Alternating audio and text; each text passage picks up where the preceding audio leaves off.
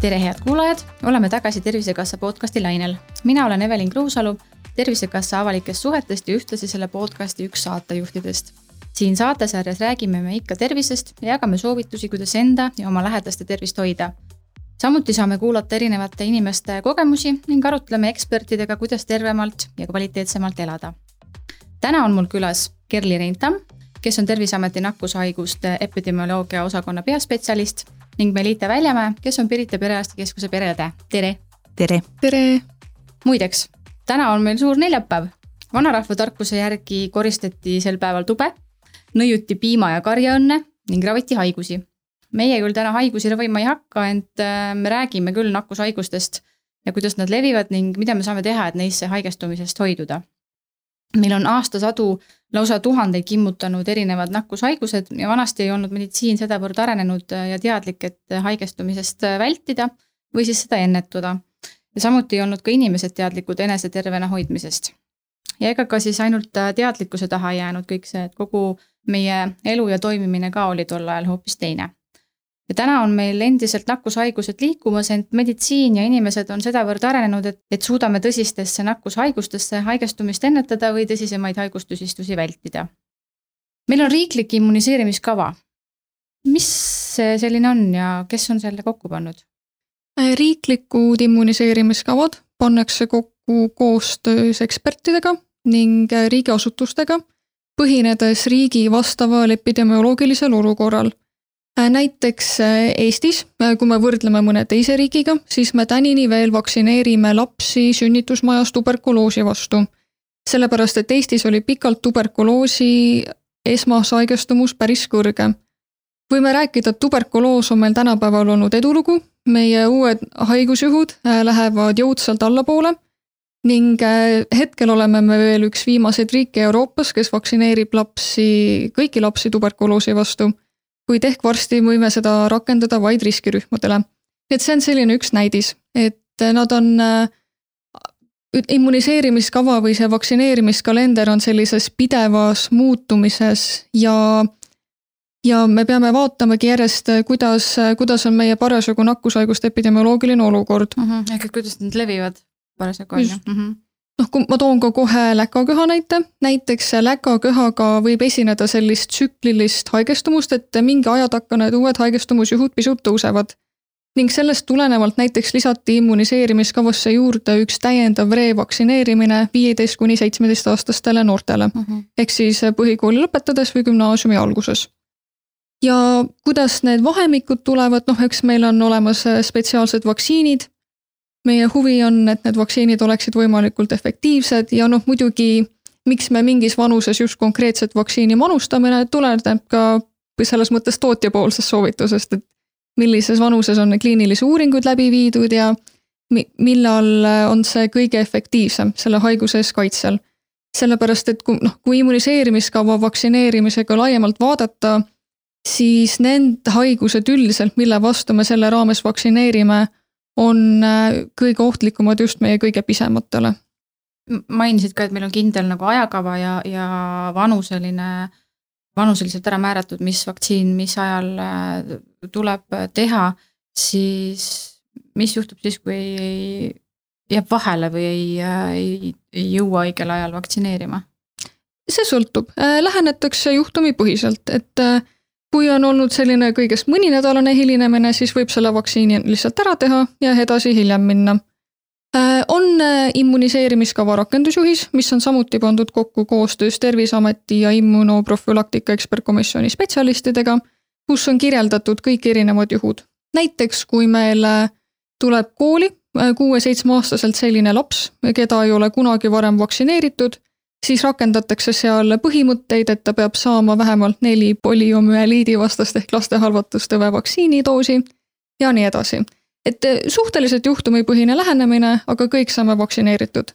samas jällegi kuue-seitsmeaastasele me enam hemofiilus influenza vastast eh, vaktsiini ei manusta, sellepärast et hemofiilus influenza vaktsiini kõige suurem riskirühm on eelkõige viieaastased ja alla selle vanuse jäävad lapsed mm. -hmm nii et äh, siis sellele kuue-seitsmeaastasele seda vaktsiini enam annustama ei pea. et sellised loogikad, et äh, põhimõtted, mis seal kehtivad.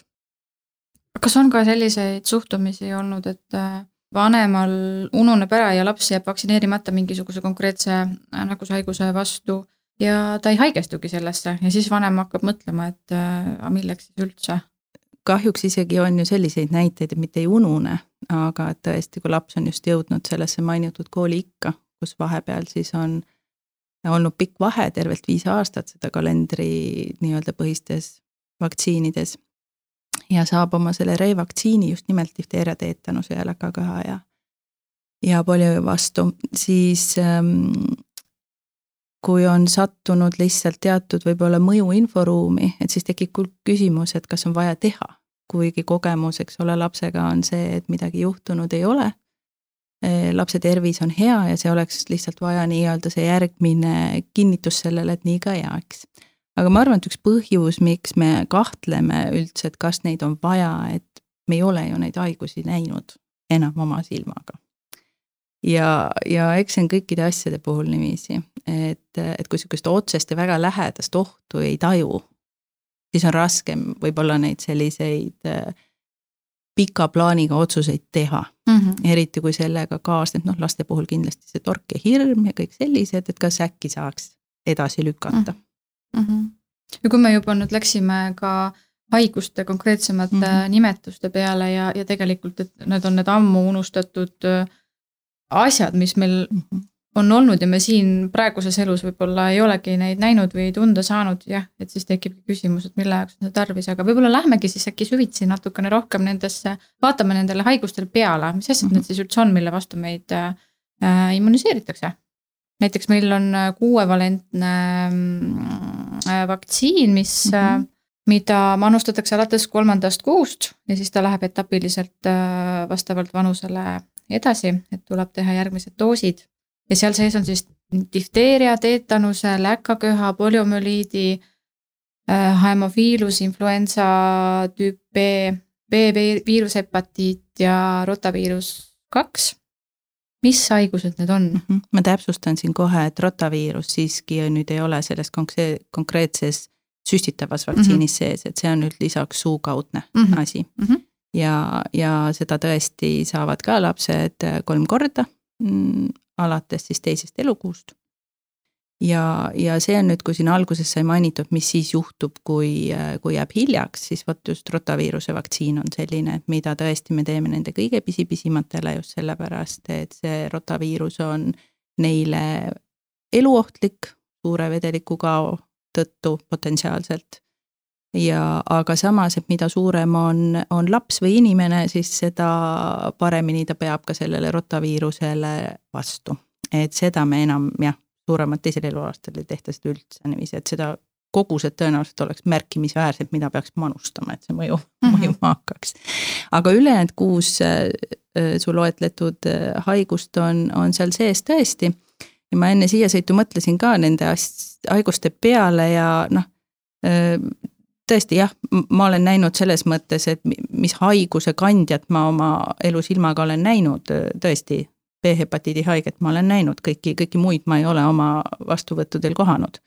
sellepärast, et meie, meie inimesed on siiski ka hästi vaktsineeritud ja me oleme saanud noh, laste halvatuse mõttes oleme meie ju eeskujulik vaba maa, Eesti. et ähm, ja, ja noh, tõenäoliselt Kelly oskab statistikat difteeria teetanuse kohta paremini mm -hmm. siit kõrvalt öelda, aga need on, need on koledad haigused, et kui selles mõttes mm, iga inimene, kes noh, ikka guugeldatakse neid, eks ole, et pildid on inetud. et difteeria selline kole kurgutõbi nii-öelda maakeeli siis, et kõik inimesed saavad aru, on ju, et see on paha tunne. kui on ikkagi selline hingata ei saa ja kõik läheb nii turse ja ta on ikkagi potentsiaalselt letaalse lõpuga. et. Äh, letaalne ja, siis on surmav. surmav jah, jah ja, mm -hmm. et äh, ja noh, samamoodi teetanus, eks ole, teetanust äh, meil on alati aednikud oskavad karta, et, et mullas, mullas püsib ja ta seal loomade ja lindude väljaheites ka levib et kui on seal mullatöödel vigastatud midagi, et siis see on see hetk, kui meelde tuleb ennast vaktsineerida uuesti et kui lapsena ongi saadud. et ehm, see on siis selline krampkangestustõbi on ta siis eestikeelne selline, et ja on täpselt see, mis ta nimi ütleb, et ka ja, ja. et see jäse või, või? ja see jah, et kui ja et mm -hmm. ja see on äh, samamoodi, et, äh, et nad on sellised noh, nad tunduvad meile siuksed nagu müstilised haigused, kuna see ei ole igapäevane nähtus meil on ju, mhm. et noh, ma olen ise mõelnud ka, et kui, kui kaua võtaks aega, kui vastuvõtule tuleks, et ma jõuaks sinnamaani, et aa, et kas mul tekib selline mõte üldse, et mõni nendest haigustest on noh, päriselt vastuvõtul on ju. et nad on nii spetsiifilised. et äh, aga aga teetanuse no. puhul siis, kui sa vigastad ennast aiatöödel, noh, kriimustad mm näppu mööda tikri põõsast ja satud oma käega sinna mulda samasse, siis see võib kui olla oht, et sa võid. jah, kui see seal elab mm, -hmm. me ei mhm. tea lihtsalt mm, -hmm. eks ole, me ei näe neid. on seda võimalik tuvastada ka, kas kellegi aias kuskil see teetanus pesitseb peidus või? ma ei tahaks sellist asja küll siin öelda, et kõik oma mulda sõeluma hakkavad ja haigusi otsima, et et, et see on ikkagist, et teda võib seal olla, kas ta mhm. seal parasjagu on, me ei tea, aga et sa mulda kartma ei peaks, siis on tark ennast vaktsineerida mm. -hmm ja trauma korral alati vaktsineeritakse difteeria teetanuse liitvaktsiiniga mm -hmm. ka täiskasvanuid. et see on selline erakorralise meditsiini mhm. osakonnas siis. just, mm -hmm. et see on väga selline tavaline mm -hmm. praktika, et see alati tehakse mm. -hmm. ma siin küll kõrvale ütlen, et see ei pea olema erakorralise meditsiini osakond mm. -hmm et kui muud häda ei ole, mis erakorraline oleks, siis tuleb helistada lihtsalt oma pereõele, öelda, et nüüd on niisugune lugu ja üldjuhul see vaktsiin on see, mis on ka tervisekeskuses kapis olemas ja kohe saadav, nii et selle sutsu pärast ei pea EMO-sse minema mm. -hmm terviseamet ka pingsalt tegelikult jälgib äh, difteeriat ja difteeria levimust ja Eestis vähemalt on meil olnud hea seis. me nägime viimast difteeria juhtu aastal kaks tuhat üks samas oli meil üheksakümnendate alguses äh, päris mitu juhtu, äh, kuuskümmend neli lausa, mis olid tegelikult noh, peamiselt sisse toodud Venemaal toimunud suure difteeriapuhangu sellest tulenevalt. kuid kuna meie vaktsineeritus oli juba siis päris hea, siis õnneks, õnneks meil sellist, saime selle suhteliselt kiiresti kontrolli alla, et Eestis me oleme difteeria anatoksiiniga vaktsineerinud juba tuhande üheksasaja neljakümne viiendast aastast alates nii et see on meile toonud häid tulemusi. ja aga äh, kuigi viimased, ütleme paar-kolm aastat on äh, võib-olla sellisest nakkushaiguste epidemioloogias olnud nii Euroopa kui maailma kontekstis pisut teistsugune, kuna meil on olnud Covid-19 pandeemia ja sellest tulenevalt on ka teatud haiguste levimus olnud tavapärasest madalam, siis tegelikult oleme me näiteks Euroopas näinud äh, esile kerkivaid difteeria juhte ja just selliseid, isegi mitte neid kurgudifteeriat, vaid just neid nahavorme. Nad on üldiselt, on Euroopasse sisse toodud, äh, need on olnud äh, noh, kas äh, immigrandid või noh, nagu põgenikekeskuses mhm. on nad tavaliselt levinud ja noh, need on olnud ka varasemalt vaktsineerimata inimesed. ja näiteks oligi kahe tuhande kahekümne teisel aastal seega sada kuuskümmend kaks juhtu ning juba ka sellel aastal, kaks tuhat kakskümmend kolm, oleme tuvastanud Euroopa Liidus siis kümme juhtu nii et äh, need haigused, kuigi meile Eestis ehk võõrad, siis tegelikult nad on meile ikkagi päris lähedal ja piisab ühest vaktsineerimata jätmisest ja ühest reisimisest ja see nakatumine võib toimuda. Nendesse haigustusse, difteeria näiteks ja, ja teetanus, nii lapsed kui täiskasvanud haigestuvad, jah? täpselt samamoodi mhm. võivad kõik, selles mm -hmm. mõttes need haigused vanust ei küsi ja noh, võib-olla mis äh, siin võib-olla on kohane teetanuse koha pealt öelda, teetanuse läbipõdemine ju ei aita et ja. ei anna immuunsust.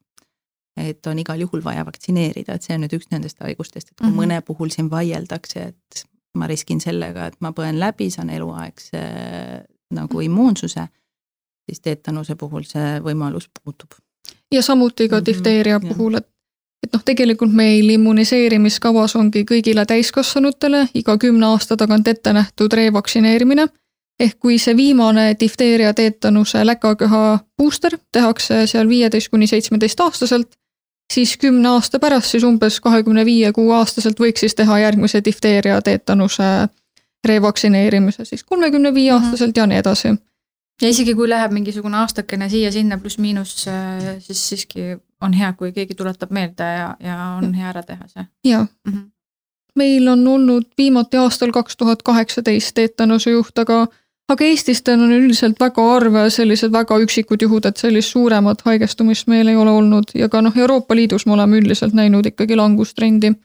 et maailma kontekstis on ta eelkõige arengumaades, on ta just pisikesi, pisikesi titasid on maha murdnud, et näiteks kahe tuhande kaheksateistkümnendal aastal suri Maailma Terviseorganisatsiooni andmetel kakskümmend viis tuhat vastsündinut, kuna seal noh, lihtsalt ei vaktsineeritud ja noh, ütleme need nagu praktikad äh, sünnitusel ja ei ole nagu ka nii võib-olla noh, puhtad mm. -hmm. aga Euroopas ja et noh, pigem on nagu trend üldiselt hea, aga kindlasti traumapõhist vaktsineerimist ja ka oma regulaarset revaktsineerimist ei peaks ära unustama mm. -hmm ma siia võib-olla juurde siis jätkame sealt näiteks kui läkaköha on üks asi võib-olla, mida teatud eas inimesed veel mäletavad ja on põdenud. et. Äh, mis see on, see läkaköha? Täpselt selline haigus, nagu ta nimi ongi -hmm. läkastamiseni viiv köha ja see on tõesti sihuke hingemattev. et noh, ma arvan, et võib-olla tõesti mõni sihuke viiekümne aastane ka on lapsepõlves põdenud isegi. et ma siin vaatan, et aastal tuhat üheksasada viiskümmend seitse vist hakkas Eestis see pihta on ju, jah ja. et ähm, ja, ja siis ka enne seda noh, nende lainete ajal ikkagist üks protsent suremust lausa kogu aeg oli ja pärast seda vaktsineerimisega alustamist on ju see tegelikult nagu drastiliselt ju langes mm. -hmm. ehk siis see vaktsiin on nagu efektiivne ja noh, see, sa ei pea, selles mõttes, et ei ole niiviisi nagu on, et üheksakümmend üheksa ju ei surnud ära, aga see tunne mis sellel läkaköha ajal on, et kui te nüüd mõne vanaema või vanavanaema leiate, kes selle läbi põdenud on ja kirjeldab, siis ta tõenäoliselt seda haigust põdeda ei taha, sest ta tõesti on väga ebameeldiv. ja siin puhul on küll nüüd jälle niiviisi, et mida väiksem on siis see põdeja, seda ohtlikum ta on puhtalt juba selliselt anatoomilis, füsioloogiliselt ja tema võimest sellele nii-öelda vastu panna. aga kuidasmoodi läkaköha üldse surmani viib? Te kujutate ette, kõik me oleme köhinud, eks ole, ja sellel ei tule lõppu. sa ei suuda enam hingata normaalselt, see tähendab seda, et su see nii-öelda siis hapnikuvahetus, kõik see, mis peaks normaalselt toimuma, sa ei suuda seda teha enam mm. -hmm ehk et nagu tõmbad omale vett kurku ja, ja jääb seda sinna, jah? tead, võib-olla see tunne võib olla sarnane, mul on õnne mitte põdeda olnud seda et selles mõttes, aga mul on töökaaslane, kes on lapsepõlves põdenud ja ta kirjeldab seda kui akna peal kõõlumist et ta tahtis ainult nina õue pista, et äkki saab õhku paremini. see oli väga halb, et õnneks oli vähe suurem laps tollel hetkel juba, aga et see oli kõige õudsem asi, mida ta oma elus mäletab, see kogemus nagu. ja kui meil on võimalik säästa inimest sellest, siis noh, ma arvan, et me kõik kannatame need kolm kuni viis sutsu ära jah, me isegi sellel aastal on Eestis olnud üks läkaköha juht ja ka eelmisel aastal on tuvastatud kaheksa juhtu nii et taaskord äh, äh, lägaköha puhul on ka natukene see, et äh, vaktsiini efektiivsus nakatumise vastu on seal noh, jääb kuhugi kaheksakümne protsendi juurde, et on ikkagi kõrge, aga võib-olla ta ei anna sellist nii-nii kindlat kaitset, kui me mõtleme näiteks poliomüeliidi vastu, kus see kaitse on praktiliselt eluaegne ja praktiliselt sajaprotsendiline. küll aga, kui peaks see nakatumine mingil põhjusel toimuma, siis on see läbipõdemine ikkagi oluliselt kergem, et mm noh, eks ta meil ju kindlasti ole, aga võib-olla ka ei pea akna peal ka kuulma. see minu arust oli isegi kuskil, nüüd võtan niiviisi mälu järgi, aga ka uuringutes, et isegi ainult üks doos läkaköha vaktsiini juba nii-öelda vähendab seda suremust oluliselt. et isegi küsimus jälle sellele, et kui midagi jääb hiljaks või mhm. tekib pikem vahe, et, et alati on parem see ükski ja siis jätkame siis, kui sealt, kus pooleli jäi, eks ole, aga, aga see ka juba üks mõjutab üsna drastiliselt seda suremuse näitajat ja seda me ju tahamegi. kuidas me läkaköhasse äh, nakatume? ta on selline piisknakkus mm -hmm. köhimisel, äh, nii nagu noh, nagu me võib-olla siin viimased paar-kolm aastat oleme väga harjunud ennetama, et seda saab ka samamoodi, et äh, vältida aevastamist, kõhastamist ja ja, ja inimeselt inimestele ikkagi eelkõige. ning äh, äh, kõige ohtlikum on ta siis just sellel esimesel kahel haigusnädalal, kui inimene on nakatunud. ja ta jah, ta algab jah tõesti selliste tavaliste külmetushaiguse sümptomitega või noh, mida meie nagu tunneme ka nohukeha palavikuna ja siis läheb tõesti hiljem selliseks raskemaks, raskemaks köhimiseks üle. jah, ma just mõtlesingi, et kuidas me siis ära tuvastame, et kui ta alguses on nagu tavalise köhana väljendub, et siis kuidas aru saada, et tegemist on siiski natukene, natukene kohe väga tõsisema looga kuna ta on bakter, siis meil on selleks mhm. vastavad analüüsid mm -hmm. ja uuringud olemas, kuidas ta siis diagnoositakse, et tegemist on just selle Portetella pertussise bakteriga. aga intensiivsus, ma arvan, annab selle vihje mm -hmm. juba, et ükski teine köha ei ole, et äh, isegi need tugevad köhad äh, mingite muude nii-öelda nimetute ülemiste hingamisteede viiruste puhul, eks ole, ei tekita sellist, et ta on ikkagist väga eriline aga kui difteeria näiteks tuleb meile kuskilt kaugelt, võib sisse liikuda läkaköha, siis võib siin, siinsamas meil ringi liikuda ilma sissetoomiseta? noh, ta ongi niimoodi tsükliliselt kogu aeg natukene ringleb. kuna, kuna meil on vaktsineerimisega hõlmatus olnud ikkagi aastakümneid kõrge, siis ei olegi selliseid suuri puhanguid olnud. noh, meil on viimane kümme-üksteist aastat on selline langustrend päris, noh, see on kõikjal, see ei ole ka ainult Eesti, Eesti murekoht ja noh, loodame, et need äh, puhangud ei lähe suuremaks. aga, aga jah, sellepärast ongi ka oluline seda hõlmatust hoida ikkagi kõrgemana seal üheksakümne protsendi juures vähemalt. vahepeal tuli juba väike vihje sellise huvitava nimega haiguse vastu osas nagu poliomüliit, mis tema on? Äh, tegemist on äh, polioviirusega, mm, mis levib ka eelkõige kas ütleme sellisele, me nimetame seda fekaaloraalseks teeks, aga ta noh, põhimõtteliselt levib ikkagi inimeselt inimene, inimesele, aga ta levib ka keskkonnas, ta on selline väga vastupidav viirus. ta võib vees püsida sada päeva ning äh, roojas kusagil maas üle kuue kuu. ja see on äh, üks selline ka väga raske haigus, mis ehk esmalt algab selliste intoksikatsiooni sümptomitega, peavalu. nagu mürgistus siis, intoksikatsioon jah mm. -hmm. et selline loidus mm, -hmm. kõhuvalu, oksendamine. kuid umbes ühel kahesajast polioviirusega nakatunust võib tekkida lõtvhalvatus, milles siis omakorda need, kellel on tekkinud lõtvhalvatus, võib see viia vähemalt kuni viis kuni kümme protsenti surmajuhtudeni. et see surm just tekibki nendest hingamislihaste halvatusest, et enam ei saa hingata, et võib-olla kui olid kunagi need suuremad poliomüeliidi puhangud näiteks Ameerikast, kui ma ei eksi, olid sellised pildid, kus lapsed olid selliste nagu suurte munade sees, et noh, nad nagu aitasid neil nagu hingata, et nad saaksid. ja noh, näiteks ka Roosevelt, üks president oli ju, oli ka väiksena läbi põdenud polio, ta oli, oligi nagu lonkas või noh, vajas käimisabinõud elu lõpuni pärast jah, me vaktsineerime selle vastu ka Eestis juba alates äh, tuhande üheksasaja viiekümne, viiekümne seitsmendast aastast. mis on Eesti kontekstis oluline, on see, et meil oli viimane juht aastal tuhat üheksasada kuuskümmend üks ja omal ajal oli äh, meil Eestis poliomüeliidi vastane vaktsineerimine täielik edulugu, et äh, väga kiiresti saavutasime väga kõrge hõlmatuse ja praktiliselt sellest ajast saati meil ei ole seda siin olnud. ning äh, ka Euroopa äh, regioon on alates kahe tuhande teisest aastast olnud äh, poliomüeliidi vaba. et selliseid metsiku polioviiruse juhte ja puhanguid me näeme eelkõige noh, Afganistanis äh,, Pakistanis, äh, Nigeerias, et noh, natuke sellistes, ütleme, raskema, keerulisema infrastruktuuriga riikides. ma leidsin praegu ka, et jah, viiekümne kaheksandast aastast jah, tehti see, et äh, ja mis, kui nüüd tulla sellega, et me räägime praegu sellest kuuevalentsest vaktsiinist, eks ole, et kus me saame kuue haiguse vastu korraga. et siin kunagi oli ta nii-öelda ka suukaudne äh, vaktsiin, et need siuksed mitte kõige parema maitsega tilgad, mis koolis nii-öelda rivis kõigile suhu tilgutati, võib-olla mõnel on meeles. et, et jällegi, miks, miks on hea see, et me saame võimalikult asju kokku panna. et see igale sellele vaktsiini saajale on ju mugavam, mida rohkem me saame korraga manustada mm. jälle. et ja noh, pereõena samamoodi, et ega seal teatud east lapsele asju suhu anda, see on sihuke nii ja naa, et kui palju ta kohale jõuab, on ju kas see kui ta on nagu uue haiguse vastu mõjub, kas ta on valus ka?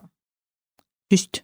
no mitte see süste mm, -hmm. aga see, kui see vaktsiin nagu kehasse läheb. ta on, selles mõttes ta on pisut korraks kibe mm -hmm. tõenäoliselt ja, ja kuna ma ise täiskasvanu eas olen saanud ka just nimelt seda, ainult seda B-hepatiidi vaktsiini, siis tõesti ta on pisut kibe, see on korraks mm. -hmm.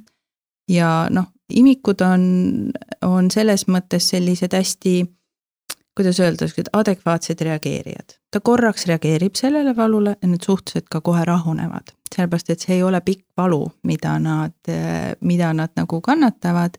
ma arvan, et väikeste laste ja imikute puhul ongi see, et tegelikult rahustada tulebki just nagu lapsevanemaid rohkem et ja, ja nende mälu selle koha pealt jääb ikkagist nagu olematuks.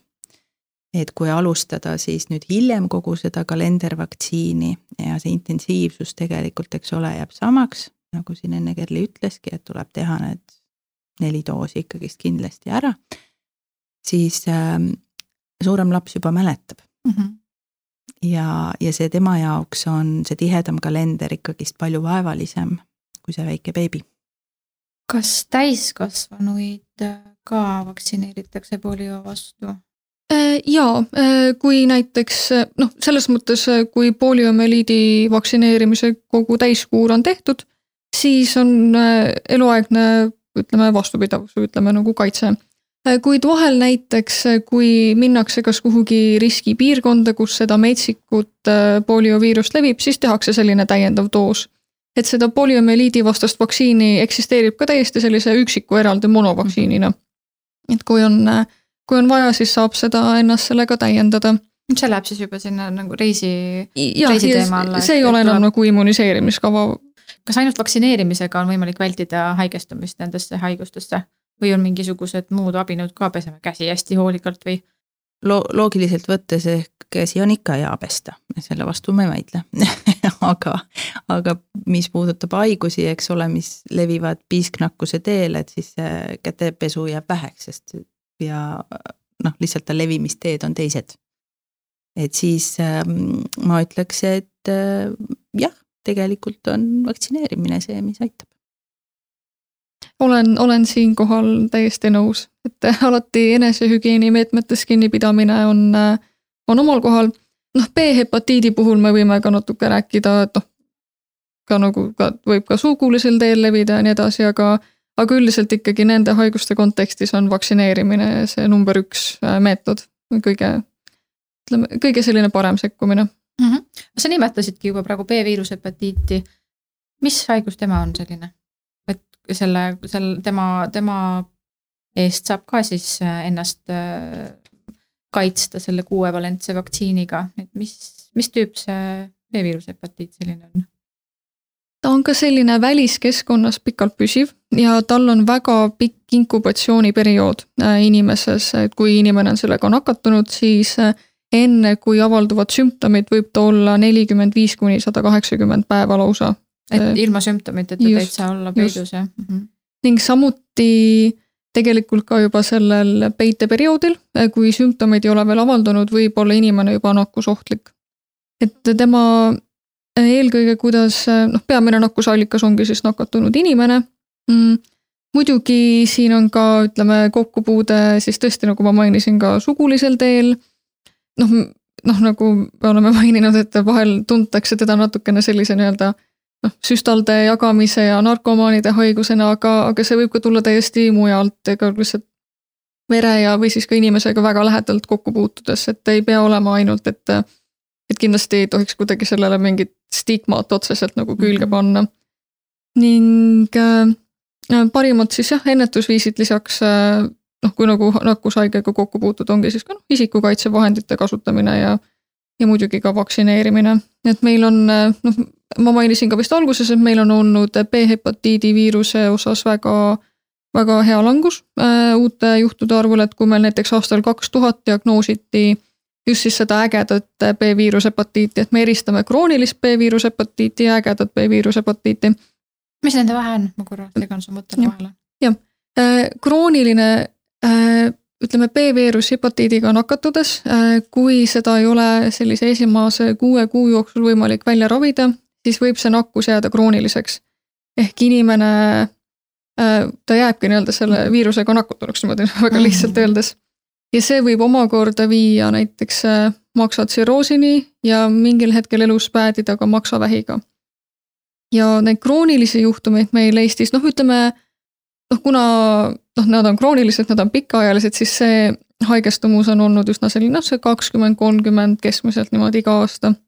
aga uute juhtude arv aastal kaks tuhat oli meil nelisada kolmkümmend seitse uut juhtu ning aastal kaks tuhat kakskümmend kaks näiteks kaks ja kahe tuhande kahekümne esimesel aastal kolm uut juhtu. nii et langus on olnud drastiline, et vaktsineerimisel on siin olnud kindlasti väga suur roll ja muidugi noh, ka nagu üleüldisel teadlikkuse tõstmisel milline, milline ta välja näeb, see, see, see haigus, kui, kui inimene on nakatunud, siis mis mis see tähendab üldse? ma olen nakatunud B-viiruse hepatiitises, mis see minu jaoks tähendab? Tähendab, et su maks on haige. ma, ma mõtlen, et ma korra täiendan korra Kerli mõtet eelmist ja siis ma kohe tulen selle vastuse juurde ka, et, et lihtsalt kuna lapsevanemad ähm, oligi just küsimus, et see on äh, nagu stigmatiseeritud tihtipeale see haigus ja et kellele ta kuulub, et, et meil on, meil on natukene võib-olla me mõtleme, et me suudame ohjata või seda mulli hoida meie ümber. et mõeldes, et meil ei ole sedasorti sõpru või me ei käi siin ja seal ja et, et nagu Kerl ütles ka, et eks ole, B-hepatiit on oluliselt vastupidavam väliskeskkonnas kui näiteks noh, me teame, et hai viirus on ju et ja, ja miks seda noh, minu vastuvõtul just küsitakse ka, et miks nii vara peab tegema, et põhimõtteliselt me teeme noh, pooleaastaseks saanuna on laps saanud kolm doosi juba B-hepatiiti, eks ole. siis sellel on ka huvitav mm, selline selle krooniliseks muutumise seos, mida nooremana äh, põetakse, seda suurema tõenäosusega muutub krooniliseks ehk see on jälle see loogika, et me tahame kaitsta neid kõige väiksemaid. et nad, nendest tuleksid terved täiskasvanud. Ja see protsent on siin, on ka nii, et kui täiskasvanutel on seal võib-olla sihukene, et krooniline hepatiit viis protsenti isegi, siis laste puhul on see kolmkümmend kuni üheksakümmend. eks see on nagu ülisuur mm. -hmm ehkki noh, ma ei hakka sinna laskuma, et nagu riigi mõistes, et kumb see kuluefektiivsem on ja see on sihuke sõna, mida tavaliselt nagu äh, kõik äh, kuidas öelda, inimesed ei, kui nad peavad isiklikke otsuseid tegema, et kui palju torkida lasta ei taha, võib-olla kuulda. aga see on ka seoses sellega, et kui on mingid muud mured, et mille peale me seda ühist rahakotti raiskame, et see ei ole väheoluline nagu mõte siinjuures tegelikult ja sellepärast me neid pisikesi nunnusid vaktsineerimegi nii vara, et neist tuleksid terved täiskasvanud et ma selle, tahtsin siit lihtsalt südamelt, südamelt ära öelda. jaa, väga hea. Aga milline see välja näeb üldse? hepatiidid on suhteliselt äh, sarnased selles mõttes, et noh, ma arvan, et mis, ähm, mis kõige rohkem inimestele kangastub maksahaige puhul, on see, et äh, sihuke kena kollane jume ja mm, -hmm. ja kollased silmad ja. aga mis see nagu organi mõttes tähendab, kui mõtleme maks kui, äh, kui filterorgan, eks ole ka et kui on väga oluline süsteemne haigus, siis see mõjutab kõike ja lõpuks ongi niiviisi, et kui meil on ähm, maksatsirroos, millele juba viidati siin samamoodi, siis meie organism ei olegi võimeline toimima enam. see tähendab seda, et väga kaugele arenenud maksatsirroos, see tähendab, me vajame uut maksa. ma ei tea, kui palju inimestele selgitada, hepatiidi vorme väga palju neid tähti on pool tähestikku. meil on A-viiruse hepatiit ja C-viiruse hepatiit et need on raskemad ja kergemad ja selles mõttes tõesti, et ega meditsiin areneb ka ja me suudame selles mõttes neid toetada täna paremini oluliselt kui mõni aeg tagasi ja nad ka kenasti elavad ja noh, ja ka üsna kaua, aga noh, see ei ole, selles mõttes neil on alati jäävad riskid. kõige võib-olla, ma tooks sihukese näite võib-olla ka, et kui on mis iganes maksahaige, et tema igapäevane elu, mis iganes viirusega, ta peab iga ravimi pealt vaatama et kas see sobib talle.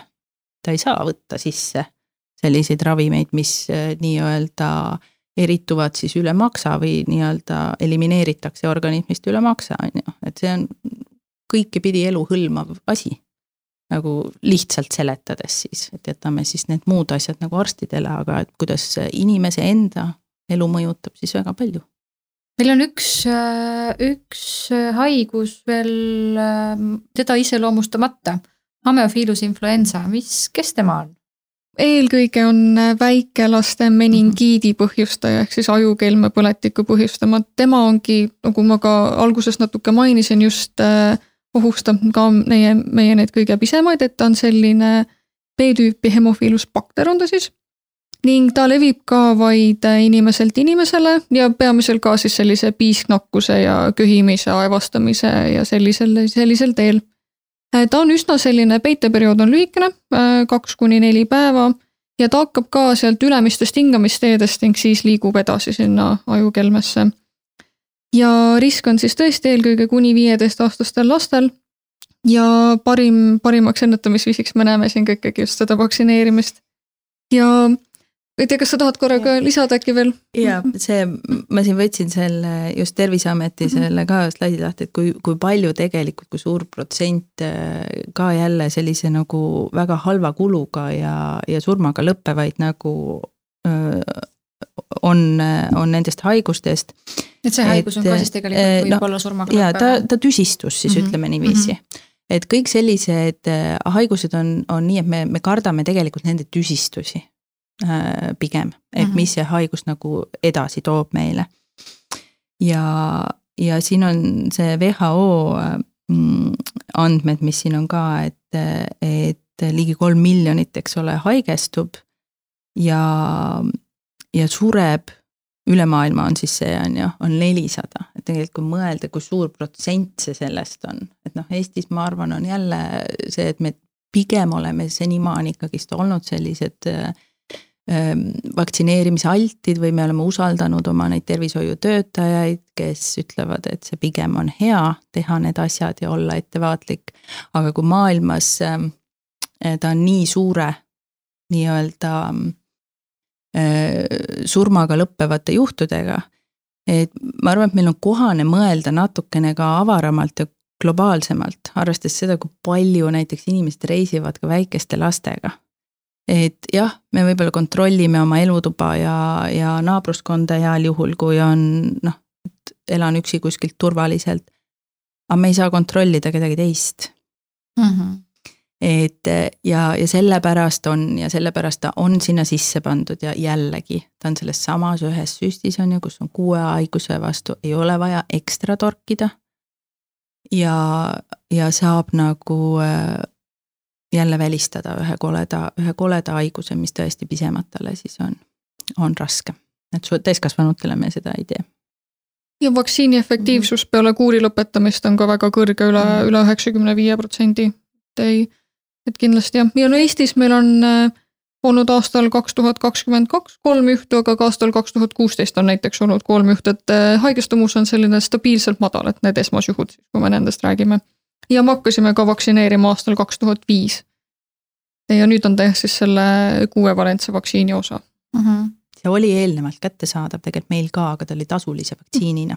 ehk siis sellised teadlikumad ja, ja siis need lapsevanemad, kellele see oli taskukohane, need tegelikult tegid juba enne, kui see riiklikusse kavasse tuli mm. -hmm. Mm -hmm. ehk et äh, need statistika ja haigestumise näita-, näitajad äh, ikkagi ütlesid, et see tuleb panna riiklikusse mm -hmm. kavasse, et ta on piisavalt ohtlik. no ma arvan ka see, et ega sellel komisjonil, kes neid otsuseid peab seal vastu võtma, on ka raske teha, sest tegelikult tahaks juba võib-olla panna palju rohkem neid vaktsiine sinna kalendrisse mm. -hmm. aga siin tuleb ega midagi teha, jälle tuleb raha küsimus jälle ette, et mida me, mida, mis me peame nagu esmatähtsaks, et kuidas me lülitame need sinna sisse jälle kalendrisse. et mis on need ohtlikumad, mille jaoks meil nii-öelda siis esialgu raha on ja siis nii edasi ja nii edasi neid tuleb et mõne teise riigiga võrreldes, eks ole, on meie kava võib-olla sootuks hõre, kuigi mõnele tundub, et ta on liiga palju. ma korraks veel tuleksin selle hamafiiluse juurde mm -hmm. tagasi. meningiidina mainisite, et mm -hmm. väljendub, aga nüüd, kui ma ei tea, kuidasmoodi see meningiit väljendub, mis, mis see tähendab tegelikult? tegelikult on selles mõttes, et äh, ega patsient ise ei pea seda tuvastama endal mm, -hmm. et, et appi, et äkki mul on meningiit. et satutakse ikkagist jälle selliste üldiste kaebustega pereõe või perearsti vastuvõtule. ja sealt läheb lahti haiguste diagnoosimine loogika on alati selline, et nii-öelda siuksed lihtsamad asjad välistada järjest ja siis me hakkame ronima, et ega me ei kahtlusta kohe esimeseks kõiki kõige hullemaid haigusi, et meil tuleb terve redel enne ära välistada ja, ja patsient ei teagi, aga noh, lõpuks mengit on juba väga, selles mõttes ta on noh, mõelda aju, ajupõletik on ju, ta, inimesel on väga halb olla, tal on valud, seal on palavik on kõrge, ta ei allu võib-olla teatud tüüp ravimitele enam. aga see, see ei ole patsiendi enda nii-öelda siis iga, ma ütlen siis ka, et iga viirushaiguse puhul või kui me jälle räägime, et eks ole, et ta on respiratoorne või õhu nii-öelda siis kaudu levib piisknakkusena. et, et siis äh, ei maksa ka karta muidugi, et iga nohu nüüd on midagi hästi hullu. et, et õnneks siiski on ju meil see harvem. aga sellepärast on hea koostööd teha. just nimelt ongi oma pereõega, oma perearstiga alati anda märku, jälgida ajas, kõik hullud asjad ei tule kohe esimeste tundidega ka. et peab olema ka kannatlikkust jälgida ja ravida neid esmaseid sümptomeid nii, nagu teid juhendatakse. me rääkisime sellest ähm, kuuevalentsest vaktsiinist ja kõik need haigused, mis äh, seal sees on, mille eest ta aitab meil äh, mitte nakatuda või, või siis äh, leebemalt põdeda. aga see vaktsiin ise, kas tal on mingisuguseid tüsistusi või, või ka kõrvaltoimeid mm? -hmm. me ju mhm. tegelikult kardame, et me ei tea, mida me siis endale no tarbimine ja. on vale sõna, aga sisse laseme kehasse tulla ja, ja siis kuidas ta meiega, meile mõjub või mida mm -hmm. ta mhm. meiega teeb jaa, sellel poevalentsel vaktsiinil kõige tüüpilisemad sellised äh, kõrvalnähud on väga universaalsed, mis sobivad kohalduma pea igale süstitavale vaktsiinile. ehk esmane on see süstekoha valulikkus, seal võib esineda kerge turse ja punetus. E, loomulikult on, ma alati ütlen, et sihuke viiskümmend, viiskümmend võimalus alati, mis on üsna individuaalne, et kas teil tõuseb palavik vaktsiinipäeva õhtuks või järgmine päev või ei tõuse, see on hästi erinev. ja, ja need on noh, mõnel võib olla võib-olla selline sihuke kerge peavalu sellest süstist, noh seda oskavad kurta seal need kooliealised, kes saavad. aga see on põhimõtteliselt kogu kõige tavapärasem loetelu. väga palju on selliseid juhtumeid, kus ei olegi mitte midagi. ainuke kõrvaltoime oli see süstimise hetkel saadud valu. kõik ja seal see lõpeb. ja see on tõesti äh, väga suur hulk, kellel ei teki mitte midagi nendest. ja me teame oodata neid nähtusid, me nimetame neid kergeteks kõrvalnähtudeks. me teame, mida me nendega tegema peame. kõik äh, lapsevanemad saavad soovitused kaasa, äh, kui nad vaktsineerimas käivad.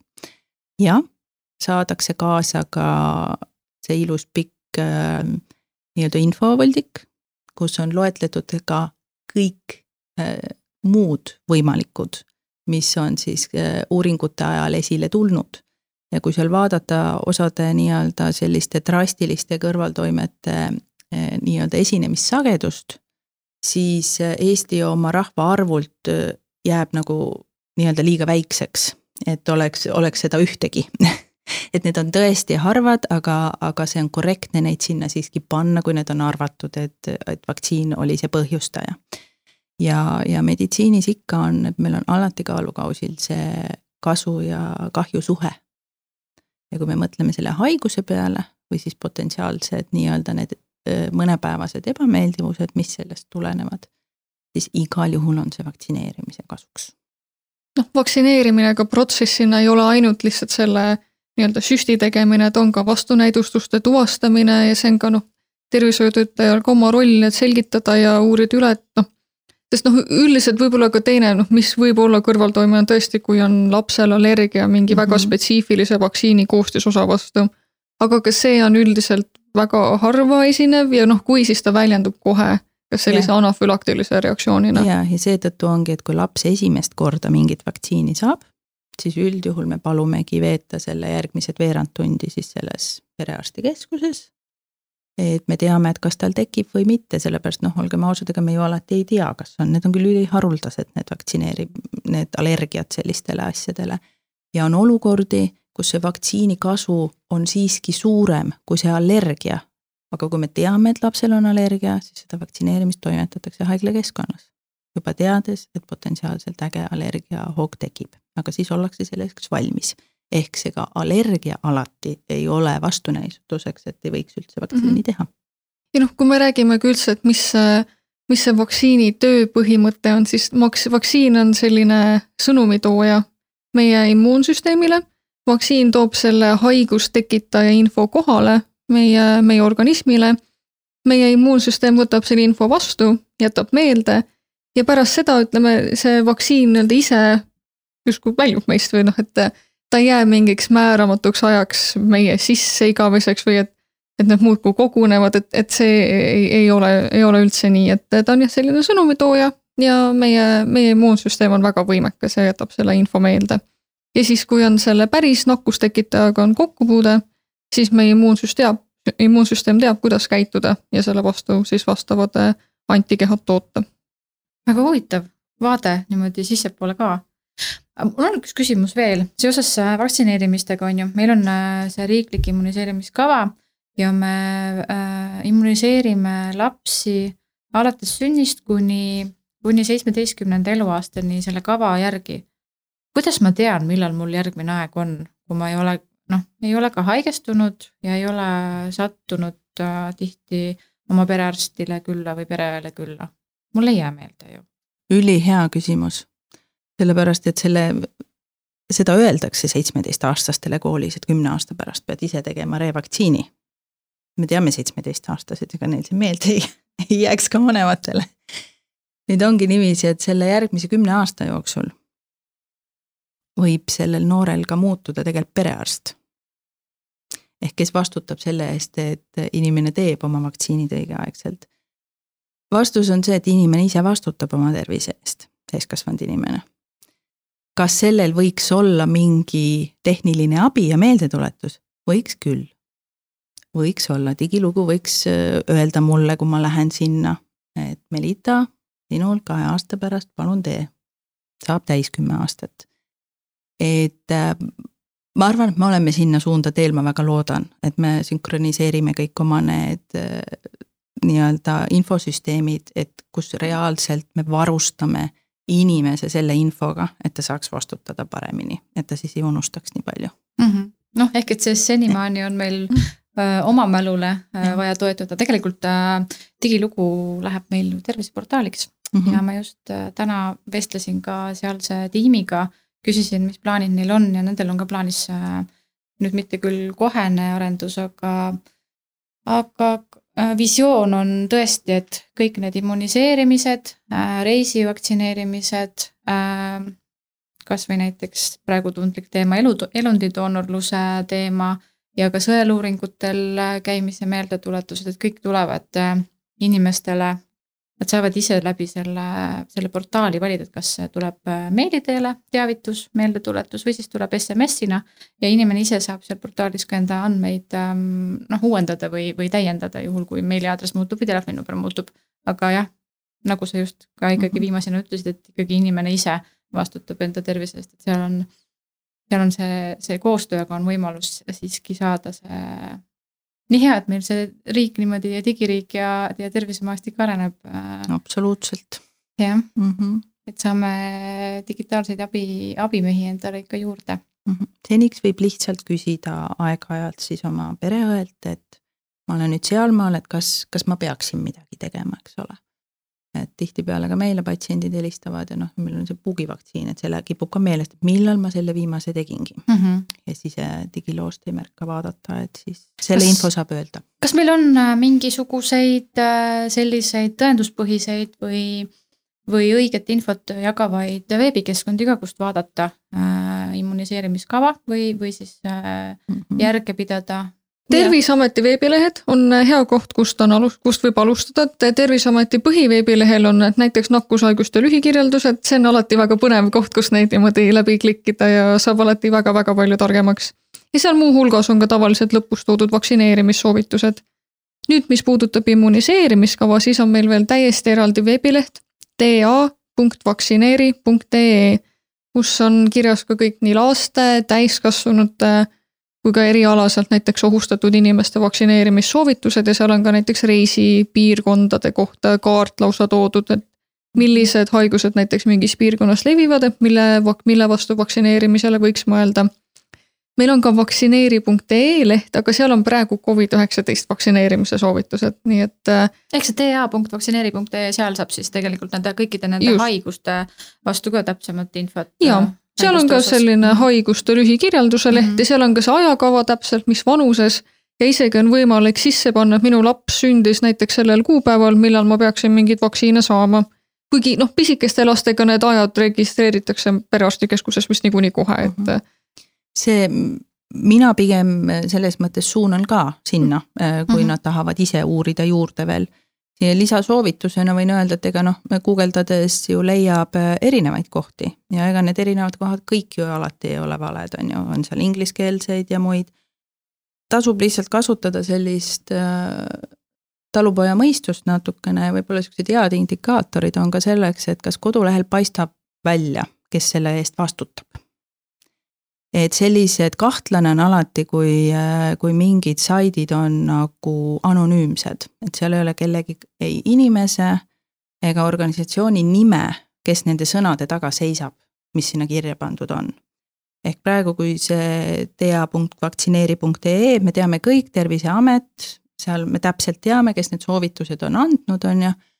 ja, ja kui meil on midagi küsida või ettepanekuid teha, me teame täpselt, kuhu pöörduda. Kui sellist võimalust ei ole ühel lehel, siis ma julgen öelda, et ta on kuritahtlik ja jama. igaks juhuks öelda nii. seal võib olla õigeid lauseid, aga kuna te seda ei saa kontrollida, siis. ei ole kellegi käest küsida. jah, sellistelt lehtedelt tuleb ära tulla mm. -hmm terviseamet regulaarselt vaatab üle, kas info, mis meil on veebilehel üleval, on jätkuvalt ajakohane, uuendab seda vastavalt. Meie, meie samad nakkushaiguste epidemioloogia osakonna eksperdid ja pea, peaspetsialistid vastutavad selle eest. ja muidugi ka Maailma Terviseorganisatsiooni lehed, need on ka küll jah, juba inglise keeles. aga noh, näiteks head lehed on ka Ameerika Ühendriikide, nende nii-öelda kohalikul terviseametil, CDC-l ja ka Euroopa Nakkuste Ennetamise Tõrjekeskus ehk ECDC kõlab selline vahvalt natuke nagu bänd. nagu ACDC. jah, et neil on ka sellised, et saab alati ka leida infot, et mis on ka kontrollitud ja uuendatud ja kuhu ka Eesti ise saadab oma andmeid mm, -hmm. nii et mhm. sealt leiab ka Eesti kohta infot. ehk siis võib-olla jah, kui see terminoloogia niikuinii seal meditsiinimaastikul on selline üpriski keeruline tavainimese jaoks, et võib-olla siis äh, usaldada meie Eesti enda Äh, terviseameti kodulehted. ja ma julgustan vanemaid ka küsima, et ma arvan, et ühel hetkel me võib-olla on ka tekkinud selline, selline nagu äraspidine vale pilt, et see, et kui lapsevanem küsib, et miks ja mida, see on kohe automaatselt märk, et, et, et see on nagu kuidagi vale, et miks sa ei tee kohe ära ilma millegita, et ei ole see on absoluutselt normaalne käitumine ühe lapsevanema poolt, kui ta tahab täpsemalt teada, millal, mille vastu ja mis see sisu on ja kõik, kõik väga head küsimused. Ja pereõe ja perearsti töö on nendele vastata ja, ja me teeme seda. suurepärane. ma loodan, et meie, meie kuulajad said siit äh, päris head infot äh, haiguste olemusest ja kuidas ka nendest hoiduda. aitäh teile